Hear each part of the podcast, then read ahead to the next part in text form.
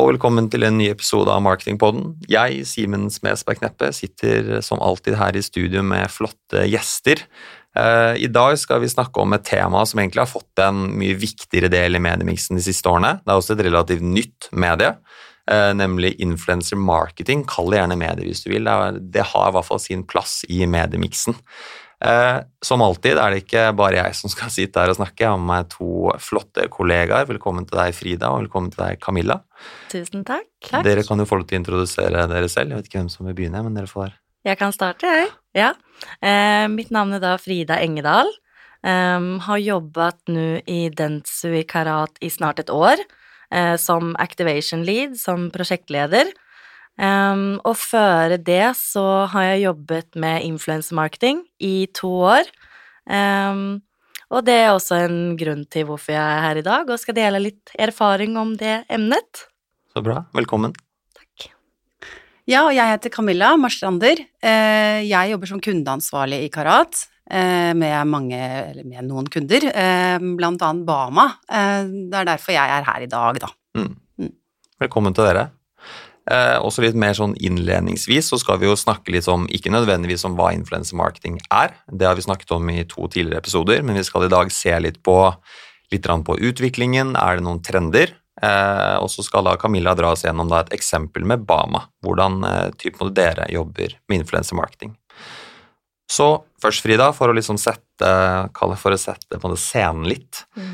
Eh, vi har jo snakket om dette her før, men det vi egentlig lurer litt på, sånn, hvordan har liksom egentlig utviklingen på influencer marketing vært, kanskje spesielt de siste par årene? Mm. Om du kunne dratt oss skal si, så, eh, litt sånn så kort som mulig gjennom det. Absolutt. Det har jo skjedd en utvikling når vi kommer til dette temaet, ja. Og som det er spådd, så har jo influencer marketing det har jo økt mer og mer mm. i det siste. Um, og om vi skal starte med Norge, så kan man se i den store annonsørrapporten som er lagt fram fra Amfo, at faktisk syv av ti annonsører bruker influensemarketing i sin markedsmiks i dag. Um, og det er jo ganske mange. Um, og når vi når det gjelder globalt, eh, så har økningen også vært større siden covid kom, og det har vært ca. 20% vekst per år. Eh, og den veksten har vært i lik i fem år, ja, i den siste tiden i fem år. Mm. Um, og om vi da skal ta det over i spend, som også er ganske interessant, så er økningen forventet til 19,9 milliarder dollar i 2024 um, fra bedrifter globalt, da. Um, og sen så har det jo vært en uh, tøff periode med uh, blant annet personvernsrestriksjoner, Eh, og så en cookie-død, og så er det jo ellers også et tøft klima for målrettet markedsføring. Men Amfo tror uansett at influensermarkedsføring vil være måten som de fleste bruker fremover. Mm. Eh, I tillegg så er det ikke så mange som tror at uh, influensemarkedsføring har noen særlig effekt, men um, likevel så er det en sterkere tro på det i dag enn hvis man ser tilbake for to til tre år siden. Um, så alt i alt så kan man egentlig si at influensemarketing er på vei oppåt. Um, og så er jo det positive her også at influensere har jo trofaste og dedikerte, og så har de et ferdig definert publikum. Mm. Eh, og det bidrar jo også til at det fortfarande vokser, om man tenker på et spørsmål som eksempel med personvern og sikkerhet, da. Um, så det er en veldig fin måte å nå ut til sin spissede målgruppe på. Mm. Mm. Og jeg tror det er et veldig godt eh, poeng det du har med typ, må du kukke døden, at dette med å eh, Altså det er vesentlig vanskeligere å treffe målgruppen sin nå enn kanskje hva det var for spesielt tre-fire år siden. og at eh, mm. denne type markedsføring så treffer du en veldig sånn snever gjeng i enkelte tilfeller, og så ja. kan man jo også, også, nå ut relativt bredt hvis man vil det. Mm. Eh, noe som også kanskje mange ikke nødvendigvis sliter med, men lurer litt på, er jo dette rundt altså Kai, vi skal gjøre noe influenser-type aktivitet. Men tilbake til dette med kanalvalg, altså i hvilke typer kanaler kan man bruke influensere? Er det på en måte overalt, eller er det noen eh, på enkeltkanaler som egentlig egner seg bedre? Mm. Altså, ja, først og fremst så kan jeg jo nevne at åtte åtte av ti nordmenn eh, bruker en eller annen form for en sosial mediekanal dagligen. Mm. Eh, men, eh, og ut ifra det jeg presis nevnte om utviklingen, så kommer også da annonsører at fortsette å bruke penger på sosiale medier.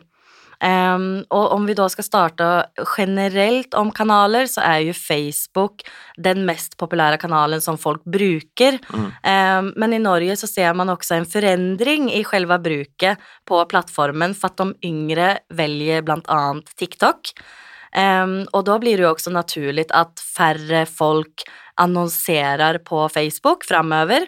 Men det er jo generelt, så om vi da skal ta inn om influensemarketing, så er det jo Instagram som er på topp. Mm. Eh, det er mest influensemarkedsføringskampanjer på Instagram. Um, og det mønsteret som også er uh, litt kul å følge med på i Norge nå, er jo at de som er på Facebook, de går til Instagram, og de som er på Instagram, de går til TikTok. Mm. Um, og TikTok de forventes eh, faktisk at dominere influensersfæren i år og i neste år, eh, med nesten 50% betalte samarbeid i verden. Og da kommer Instagram naturlig nok hoppe ned på en andreplass. Mm. Um, så det er jo en veldig spennende utvikling å følge med på. Eh, og sånn litt sånn tilbake til også dette med at eh, ja, nå er jo influensemarketing ganske sånn Altså det har, gått, det har fått et ganske godt måte, fotfeste. Eh, men det har jo mest sannsynligvis blitt brukt på ganske ulike måter kanskje for fem år siden, kontra hva de gjør nå. Mm. Kan du si litt sånn om hvordan liksom, trendene for på en måte, influensemarketing er, og hva er det vi kanskje ser for oss i fremtiden? Mm. Um, Nå er jo influensemarketing har jo blitt veldig etablert, uh, og vi ser da at flere og flere ønsker å teste nye ting. Uh, blant annet så er det populært å gi mer fokus på å gi influensere full kreativ kontroll for innholdsskapende. Mm. Eh, og det her har jo egentlig alltid vært et fokus eh, for at det skaper mest troverdighet, men det her kan også lede til at eh, faktisk marknadsavdelningene hos bedrifter ansteller influenserprofilen. Um, og da bidrar jo det til at du både får et unikt og kreativt uttrykk, men også kan du spare kostnader på produksjon. Um, og så er influensen er jo eh, proffset når det gjelder til å lage et uttrykk som passer til en gitt merkevare. Mm. Um, men her er det også viktig da å være litt obs på at det er også en risiko å gi profilen kontroll over merkevaren og innholdet. Eh, så det er også veldig viktig da å tenke på at eh, profilen får en tydelig brief, da. Mm. Em, og i tillegg til det, eh, flere trender. Som sagt, Instagram er jo go to-plattformen, men det blir også mer og mer populært å teste ut nye kanaler. Mm. Eh, TikTok, eh, som sagt, forventes å komme på toppen, og blant annet eh, så har vi også YouTube og Snapchat, som vi ser mer og mer influensemarkedsføring på. Em, så det ser vi mer og mer av, og da er det jo også naturlig at liveshopping og livestreaming er også en veldig veksende trend. Mm. det er jo videoer som leverer og engasjerer, og det er liksom Man ser at folk flest ser på det mest. Um, og sen så har vi sett at uh, man også kanskje bør gå bort fra de store profilene og de korte samarbeidene Mm. uh, til å fokusere på mikro- og langsiktige samarbeiden. Um, og det er jo just for at influencer marketing har blitt mer etablert. Eh, vi som følger de her profilene har blitt mer bevisst på at de viser produkter og tjenester versus for bare fem år siden, Mm. når det var helt nytt. Så nå kan vi som följare faktiskt känna efter om profilen är genuin eller inte Mm. när de gör ett samarbete. Mm. Um, så det, det er det. Mm. Det er jo ikke rent lite, det. Eh, jeg tenker sånn For eh, å prøve å liksom dra det litt ned, da, så er det litt sånn ok, men hvorfor skal man eventuelt vurdere å begynne med influensemarketing? Altså, hva er det som er liksom de store fordelene? Du har jo vært litt inne på det, eh, men kan du fortelle enda litt mer? Ja. Eh, fördelen eh, är ju, alltså jag skulle först och främst vilja säga word of mouth, att eh, en profil förmedlar budskapet muntligt istället för skriftligt. Mm. Eh, förbrukare följer ju sina specifika profiler av en grunn. Eh, De stoler jo på det den profilen sier, og de følger den personen for at det er liksom det de syns er bra. Mm. Ehm, og da leder jo det til at man får tillit hos en gitt målgruppe, og det er jo veldig verdifullt hos en annonsør. Um, og så er det jo en fordel at det trenger faktisk ikke å koste så mye. Uh, I dag så finnes det jo et utrolig stort utvalg av flinke influensere som er veldig forskjellige og har veldig forskjellige kategorier. Uh, så her er det jo kvalitet før kvantitet, skulle jeg vilja si. Mm. Ehm, for at de har jo som regel også en mye mer spissad målgruppe. Um, for at som sagt deres følgere faktisk vil se deres content som de lager, og de er genuint interesserte. Um, kampanjen, En annen fordel er jo at eh, kampanjen kan få en lengre levetid. Eh, for eksempel når man lagrer poster eller låter posten bli liggende i feeden hos en profil. Og så får man jo direkte feedback i kommentarfelt. Ehm, og så som jeg nevnte tidligere om trender, så leder det også til lægre kostnader for produksjon, og du får et kreativt uttrykk. Mm. Um, ja. Og da når man eh, eventuelt har eh, på en måte tenkt at ok, det her er noe vi har lyst til å gjøre, vi har lyst til å teste det, er det liksom noen tips eller triks man burde egentlig på ta med seg når man skal begynne å booke disse ulike profilene?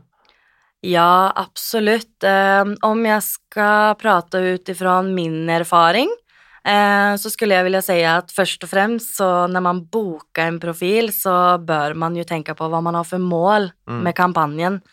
Eh, og deretter så tenker jeg at man bør se på profilens benchmarks, eh, som er for eksempel engasjement, rekkevidde, visninger og også geografi. Ehm, man bør også selvklart se på hvor troverdig profilen er i forhold til merkevaren, om det er en match, Um, samt eh, også om samarbeidet skal være kortsiktig eller langsiktig. Mm. Og så er jo spørsmålet vil man ha en mikroinfluenser eller en makroinfluenser. Eh, vil man ha et ambassadørskap? Det er jo også ting man må ta stilling til. Mm.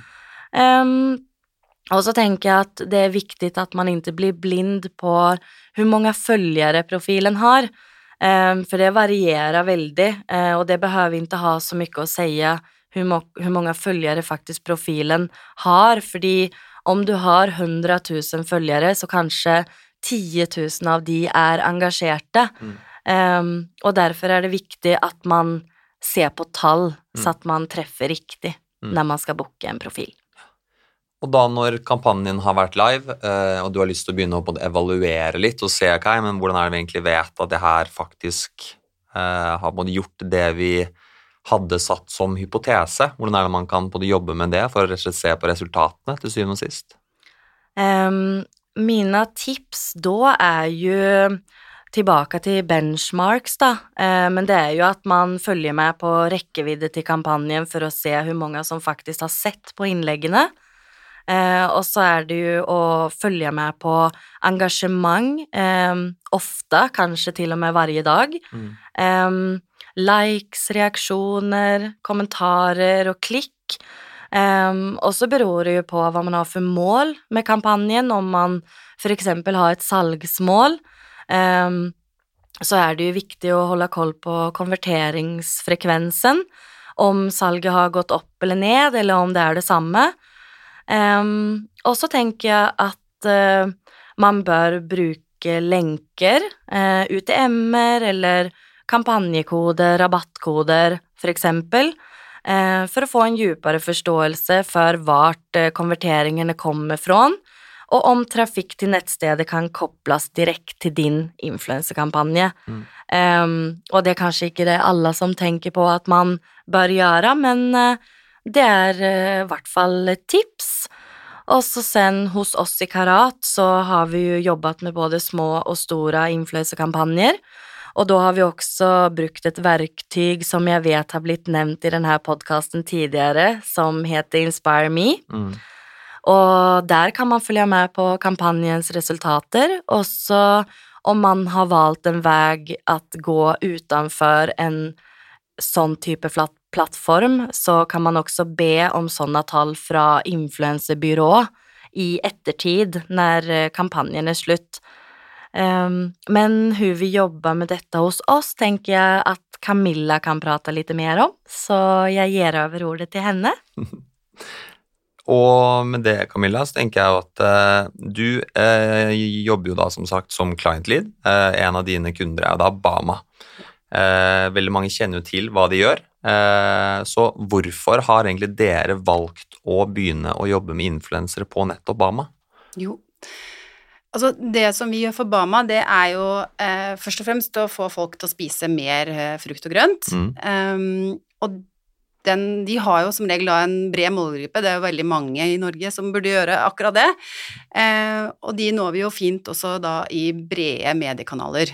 Um, men vi jobber jo mye med inspirasjon eh, altså matinspirasjon.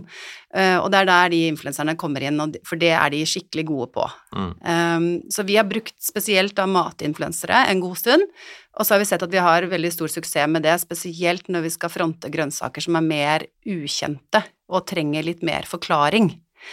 Eh, for noen produkter eller grønnsaker eh, eller frukt krever at eh, forbrukeren må liksom, sette av tid Uh, og det er det ikke alle kanaler som er like gode på. Mm. Um, I hvert fall ikke alle målgrupper. Um, så vi kan jo uh, Ofte så bruker vi jo for eksempel native, native uh, eller content-samarbeid, og det fungerer jo kjempebra.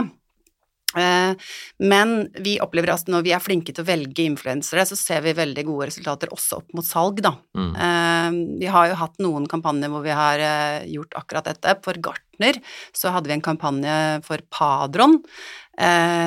som var forholdsvis ukjent å bruke for forbrukerne. der fikk vi et skikkelig salgsløft etter at vi gjennomførte kampanje våren 2022.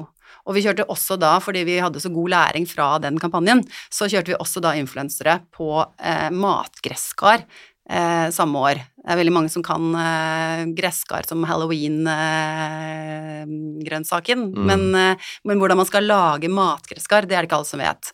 Så ehm, det vi opplever, er at eh, influenserne er veldig flinke til å inspirere til bruk på en veldig spennende måte, og de oppleves også kanskje som litt mindre pushy eh, når de lager innholdet for oss. Mm. Eh, de er veldig flinke til å følge på trendene sine, de kan jo kanalene sine aller best, så de vet jo hva som fungerer, og de er tett på følgerne sine også. Og det, de kan følge opp og svare på spørsmål og vise engasjement på vegne av merkevaren, da. Mm. Um, og så er det jo kjempefint at vi kan også gjøre avtaler om å dele innholdet i, eh, i Bamas egne kanaler. Hvis vi ser at noe går veldig bra, så kan vi spre det enda mer, da. Kan vi Mm. avtale på forhånd. Mm.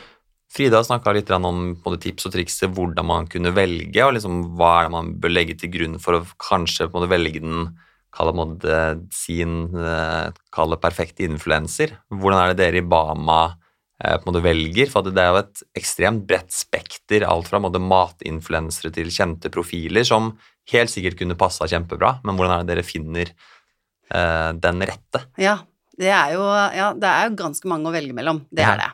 Eh, så, eh, så da må vi begynne på starten, da, som, eh, som Frida sa. Det er jo veldig viktig med mål, da. Så vi ser aller først på hvilken målgruppe og mål som vi har med kampanjen.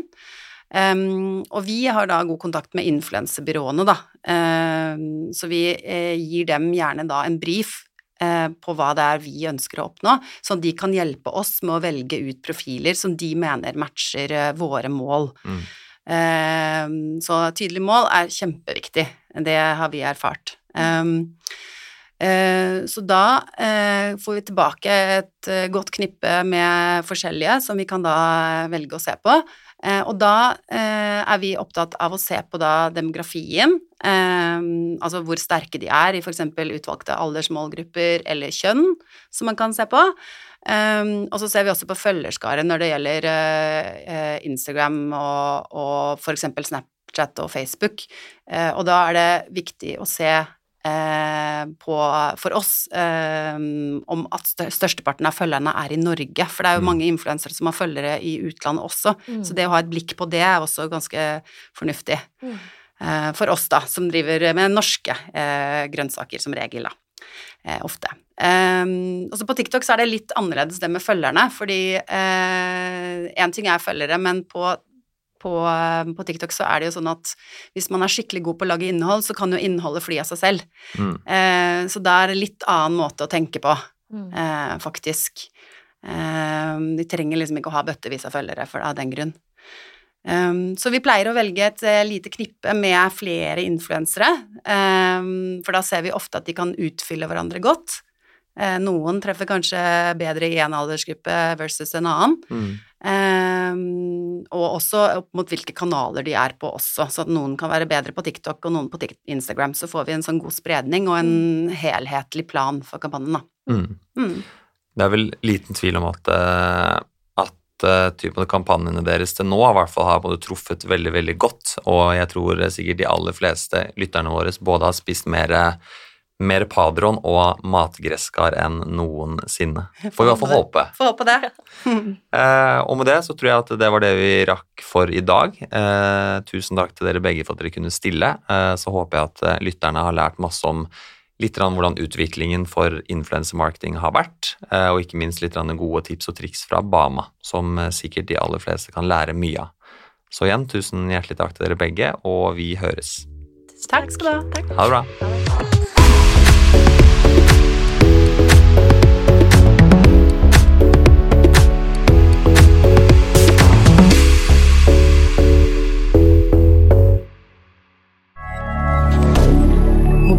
D'accord.